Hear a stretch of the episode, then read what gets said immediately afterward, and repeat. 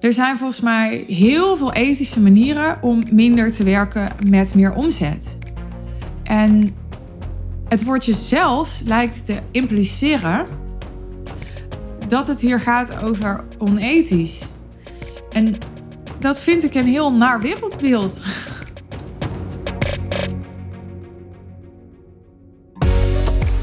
Terwijl ik in alle eerlijkheid door Instagram aan het scrollen was op zoek naar wat mij riep om een nieuwe podcastaflevering over te maken, stuitte ik op een uh, post waarbij ik dacht: oké, ja, ga ik nou hier op reageren? Want ik ben altijd heel voorzichtig met ja, reageren op uh, posts die high-end ondernemen uh, aanvallen. Of die, waarin kritiek wordt geuit op business coaches. Omdat ja, mijn reactie daarop natuurlijk al snel gaat lijken op een verdediging. En ik denk dat als je jezelf verdedigt, dat je eigenlijk aanvalt. En nou ja, ik bedoel, over verdediging zijn allemaal hele mooie spirituele dingen geschreven die ik niet zo 1, 2, 3 kan herhalen. Maar die in ieder geval niet zo heel erg veel oplossen of helpend zijn. Ik heb al eerder een keer een podcastaflevering opgenomen als reactie op een post. En daar was ik eigenlijk heel blij mee achteraf en heel trots op. Het is aflevering 227 en hij heet Waarom zou je bizar hoge bedragen investeren in business coaching? Want uh, soms is een reactie op een post die helemaal ingaat tegen jouw visie of waarin onbegrip wordt geuit over uh, wat jij doet of hoe jij naar de wereld kijkt of naar het ondernemerschap. Soms kan een reactie op zo'n post of zo'n stuk content juist ook heel erg mooi jouw visie, in dit geval mijn visie, verduidelijken. Want zo'n post kan heel mooi blootleggen waar in zijn algemeenheid nog sceptisch bij mensen zit. En ja, ik denk als ik heel erg constructief en inhoudelijk daarop inga, zonder dat ik de inhoud van die content persoonlijk neem en mij persoonlijk aangevallen voel, dan kan zo'n reactie juist heel waardevol zijn voor mensen, omdat het ze kan helpen om ja, vanuit een nieuwe perceptie te kijken dan dat ze bijvoorbeeld eerder gewend waren. Nu is het zo dat ik met deze podcast niet zozeer mensen wil bereiken of mensen wil overtuigen die nog heel veel sceptisch ervaren bij eh, business coaching of uh, bij het high-end business model of bij een high-end positionering of bij prijzen verhogen. Want ik denk, als dat niet resoneert bij je, als je daar niet een verlangen voelt, als daar niet al een vuurtje is aangewakkerd, als je daar niet al een bewustzijn op hebt als het gaat over wat het je kan opleveren, ja, dan voel ik me niet geroepen om de persoon te zijn die dat vuurtje bij je aanwakkert of dat verlangen triggert. Als het gebeurt is het mooi, maar het is niet mijn primaire doel. Weet je, laat mij er maar zijn voor de mensen, voor de ondernemers die al voelen... Uh, ja, hoe vet als ik ook 50 of 100.000 euro kan vragen. Hoe vet als ik ook zo'n droomklant kan hebben, waarbij ik nu nog geen idee heb hoe die te bereiken of welke waarde aan die klant toe te voegen. Alleen af en toe maak ik een uitstapje. Zo simpel is het gewoon. Af en toe maak ik een uitstapje en werk ik aan mijn missie om, zoals ik in de vorige podcastaflevering, die van maandag ook al zei, aan mijn missie om van high-end veel meer de norm te maken. En dus om het algemene gedachtegoed bij mensen om te turnen. En het is ook niet zo zwart-wit. Misschien luister jij deze podcastaflevering omdat je en mijn content interessant vindt en mijn visie interessant vindt. En sommige dingen ook nog helemaal niet begrijpt. Of nog helemaal niet voor je ziet hoe dat, dat voor jou kan werken. Of ja, dat je en getriggerd bent en ook nog sceptisch ervaart. Die dingen kunnen naast elkaar bestaan. Nou goed, dat was een eh, best lange intro. Ik ga nu naar de post die ik tegenkwam en waar ik in deze aflevering op wilde reageren. Zal ik hem voorlezen? Ja, ik weet dan niet zo goed in alle eerlijkheid of dat ik er dan een naam bij moet noemen. Het is niet iemand die ik heel actief volg, maar wel iemand die ik blijkbaar volg, want ze zat wel op mijn feed. Kijk, ik wil namelijk niet iemand um, ja, een podium geven op een plek waar hij of zij helemaal niet om heeft gevraagd. Maar ik vind het wel netjes als ik tekst voorlees van iemand dat iemand dan credits krijgt. Dus dat vind ik wel een beetje een, ja, een, een um, hoe zeg je dat? Een, een twijfelgeval. Dus ik zal er fragmenten uithalen. Oké, een soort middenweg. Daar staat: het interesseert me helemaal geen fluit wat je omzet is als business coach. Ook niet hoeveel nieuwe spullen je hebt of wat je omzetdoel is. Het is allemaal gebakken lucht. Nou, dat vind ik al een hele interessante. ja, ik merk dat ik daar gewoon een beetje stil van val. Want ik ga daar dan serieus over nadenken. Hè, van wat staat hier nou eigenlijk? Dan denk ik, oké, het interesseert me helemaal geen fluit wat je omzet is als, als business coach. Nou, dat mag natuurlijk. En dat snap ik ergens ook. Want uh, je kunt een hele goede business coach zijn en niet uh, een, een, miljoenen of een miljarden omzet draaien. Misschien draai je niet eens een, een ton. Dan nog kun je voor iemand een hele goede business coach zijn. Dus dat snap ik. En ik denk ook dat er soms te veel waarde of belang aan wordt gehecht aan wat de omzet is die een business coach op dat moment draait. Volgens mij is het veel belangrijker om te kijken naar wat voor resultaten behaalt iemand, wat voor visie heeft iemand, wat voor specifieke kennis heeft iemand. Ja, wat zoek je, wat is je behoefte en hoe kan die coach jou dat geven? Zo simpel is het. Toch? En het is aan jou hoe belangrijk jij het vindt dat er bewijslast is voor, voor het feit dat iemand kan wat hij zegt dat hij kan. En hoe zwaar jij tilt aan die bewijslast. Dat hoef ik niet voor jou te bepalen. Dat is volgens mij een afweging die iedereen individueel kan maken. Er staat ook, ik sla dus een stukje over, ze zijn niks gelukkiger met het geld, zijn rupsje nooit genoeg geworden, uitgeput en willen zelfs minder werken met meer omzet. Nou, niks gelukkiger met het geld, daar ben ik al vaker op ingegaan in andere podcastafleveringen. Het is niet mijn overtuiging dat geld gelukkiger maakt. Het is ook niet mijn overtuiging dat geld ongelukkiger maakt. Ik denk dat geld iets neutraals is. En ik denk dat geluk een staat van zijn is die te vinden is in jouw innerlijk. En niet zozeer te maken heeft met externe factoren. Dus niet zozeer te maken heeft met geld. Maar ook niet eens met uh, je gezondheid of met um, hoe gezond je dierbaren zijn. Of met in uh, welk land je woont. Of ja, ik denk zelfs niet eens met hoezeer je jezelf kunt ontplooien. Ik denk dat dat geluk daar allemaal los van staat. En dat geluk echt een momentopname is voor velen. Maar ook een soort journey. Geluk is voor mij een heel complex en gelaagd thema. Die in dit soort posts, wat mij betreft, veel te plat wordt geslagen. En wat ik bedoel met dat geluk, wat mij betreft, een journey is, is. Uh, ik heb misschien wel eens eerder gedeeld dat ik het boek Word Wakker aan het lezen ben. Uh, ik was het toen al aan het lezen, ben nog steeds aan het lezen, want het ligt nog steeds op mijn nachtkastje.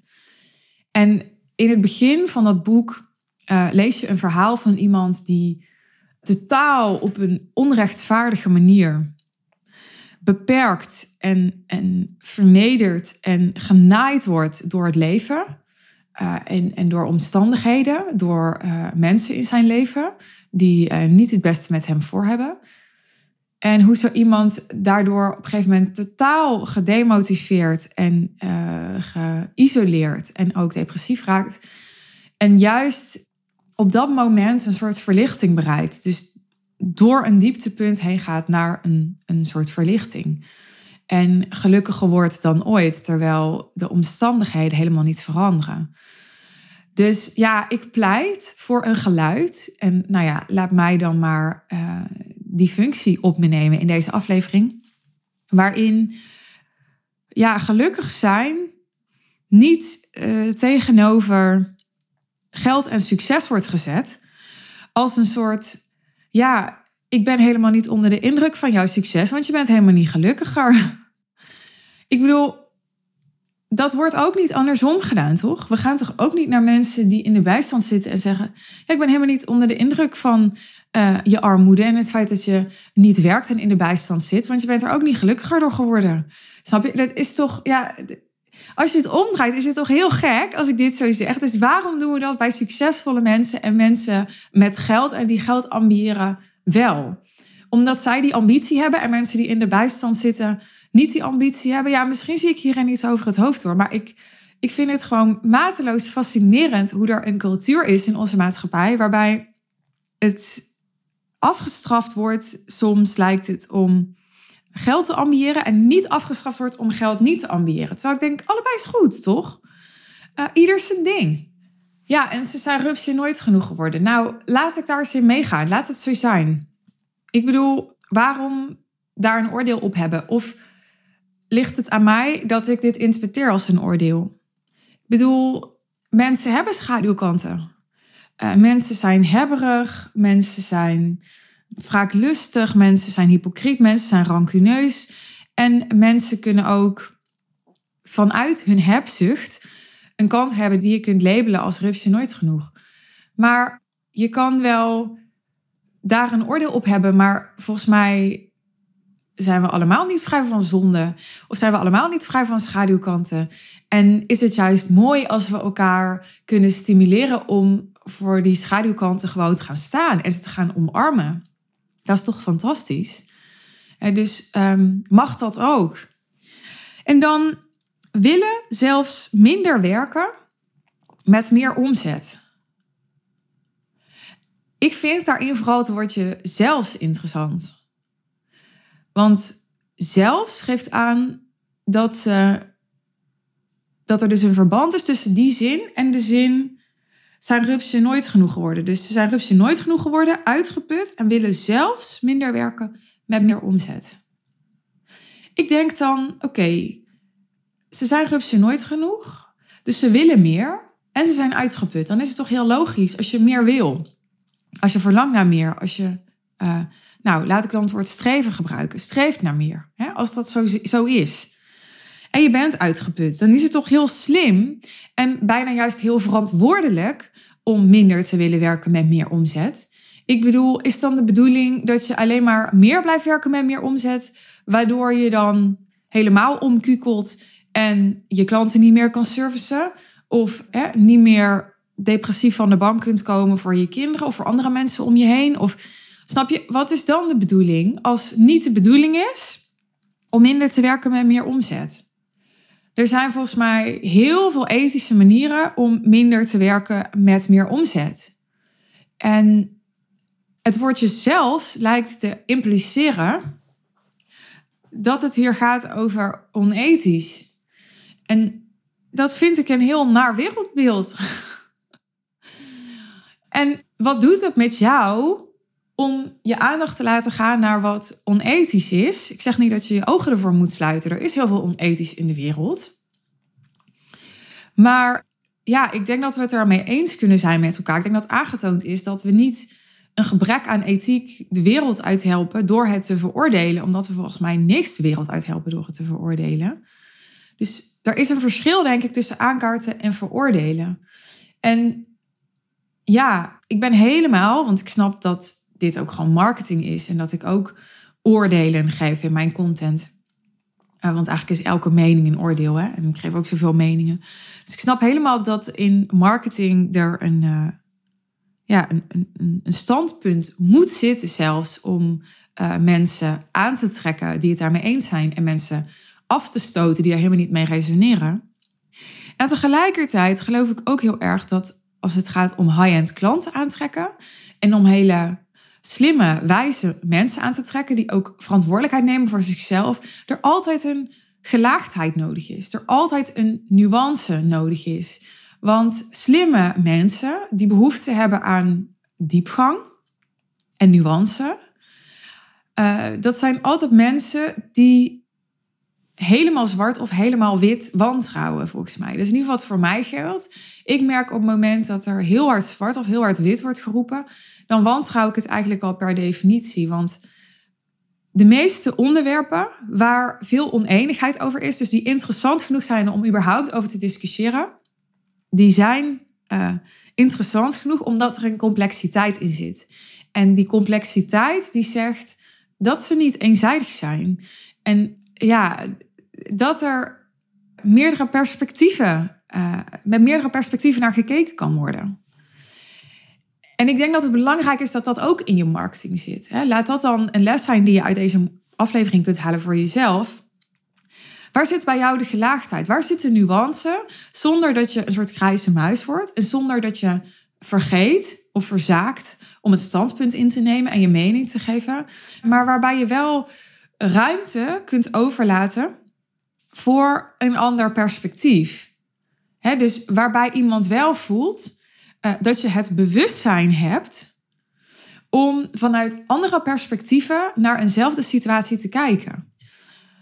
Nou, een ander fragment uit de post is hoe mooi als er business coaches zijn die succesvol zijn, tussen haakjes geweest, in bijvoorbeeld hun vak, er nog steeds actief in zijn en andere ondernemers begeleiden. Ik snap deze opmerking heel goed. Ik snap heel goed dat er weerstand is tegen een systeem waarbij een business coach alleen succesvol is en is geweest als business coach en niet een ander product of een andere dienst heeft verkocht of een ander type bedrijf heeft geleid. Ik snap dat heel goed. Tegelijkertijd, en dat stond ook ergens anders in deze post, coachen is een vak. Net zoals dat ondernemen een vak is. En lang niet alle ondernemers zullen goede business coaches zijn. Lang niet alle ondernemers zullen uh, weten om te gaan met bijvoorbeeld alle emoties die je tegenkomt als je klanten coacht, als je ze door weerstanden en een transformatie heen begeleidt. Dus je kunt een hele goede business coach zijn, juist omdat je heel goed bent in het coachingsvak. Wil dat dan zeggen dat je mensen heel goed kunt coachen, maar niet per se uh, de allerbeste mentor bent als het gaat om het ondernemerschap? Dit hangt ervan af. Ik denk dat er uh, hele goede mentoren zijn in het ondernemerschap die ook hele goede coaches zijn. Ik denk dat er hele goede mentoren zijn in het ondernemerschap die geen hele goede coaches zijn. Ik denk dat er hele goede coaches zijn die geen goede mentoren zijn in het ondernemerschap. Nou, en volgens mij is er nog een vierde variant. Ik ben hem even kwijt. Je snapt wat ik bedoel. Dus ik denk dat alle varianten er zijn. En ik denk dat sommige ondernemers vooral een coach nodig hebben. En andere ondernemers vooral een mentor nodig hebben. En ik denk dat dat per fase in het ondernemerschap weer kan verschillen. ik kan me voorstellen dat um, als je bijvoorbeeld meer startend bent, dat een hele goede coach heel behulpzaam kan zijn om je door je belemmerende overtuigingen te begeleiden. Als je wat verder gevorderd bent en je hebt uh, ja, wat meer geavanceerde marketing skills te leren, meer geavanceerde sales skills te leren, betere leiderschapsvaardigheden te leren. Dat je dan juist iemand zoekt die uh, daarin een hele goede mentor kan zijn. Maar het omgekeerde kan denk ik ook waar zijn. Ik denk dat het ook heel waardevol kan zijn om juist aan de start van het ondernemerschap hele goede ondernemersvaardigheden te leren op een gegeven moment heb je die onder de knie en hoeft iemand misschien niet zozeer het ondernemerschap nog aan je voor te doen of je ideeën te geven over hoe, uh, hoe je producten vermarkten, maar heeft iemand jou uh, te spiegelen op je blinde vlekken. Heeft iemand jou op, op jouw niveau een waardige sparringspartner voor je te zijn? En ik denk dat het dat het echt self-leadership vraagt van elke ondernemer om heel veel helderheid te krijgen. En ik denk dat hele goede sales calls uh, uh, met mensen die je interessant vindt om jouw potentieel te, die, je, die jij interessant vindt om jouw potentieel te helpen, dat die daarbij kunnen helpen. Dat die je de helderheid kunnen geven over of dat die persoon met wie jij dat salesgesprek aangaat, voor jou de juiste persoon is om jou te helpen. Maar ik denk dat er heel veel self-leadership en eigen verantwoordelijkheid nodig is om ja, heel eerlijk te zijn over wat echt jouw behoefte is en om daar de juiste match bij te vinden. En ik denk dat dat ieders eigen verantwoordelijkheid is. En dat is mijn visie. En zo zou mijn Instagram-post klinken als ik deze post zou schrijven ik kan me voorstellen als je een trouwe luisteraar van mij bent, dat, ja, dat heel veel van de dingen die ik heb gezegd misschien voor jou al vanzelfsprekend zijn. En ik denk dat bij de meeste mensen die mijn content luisteren, wat ik net voorlas, ja, dat dat, dat veel te ongenuanceerd is voor de meeste van mijn luisteraars. Um, maar nogmaals, ik maak deze aflevering niet om die post uh, te bashen of om die te veroordelen. Hè? Want dan, ja, nou ja, dan zou ik doen waar ik net zelf um, tegen ageer, zou je kunnen zeggen. Nee, ik, ik gebruikte deze content even om mijn visie te delen. Weer met nieuwe woorden, weer met een nieuwe invalshoek. En er is altijd een reden, daarvan ben ik overtuigd, dat jij nu deze aflevering aanklikt. En er is altijd een zin of iets wat bij jou nu is blijven hangen. Uh, wat jij even nodig had om te horen. Om wat voor reden dan ook omdat het je triggerde, omdat je het er niet mee eens bent, maar omdat je het er juist wel mee eens bent, omdat het je een zetje geeft, omdat het je een inzicht geeft. En dat is wat ik hoop voor je betekend te hebben met deze aflevering. Wil je reageren, dan mag en kan dat. Dat weet je als je vaker naar me luistert. Je kunt me een DM sturen op Instagram.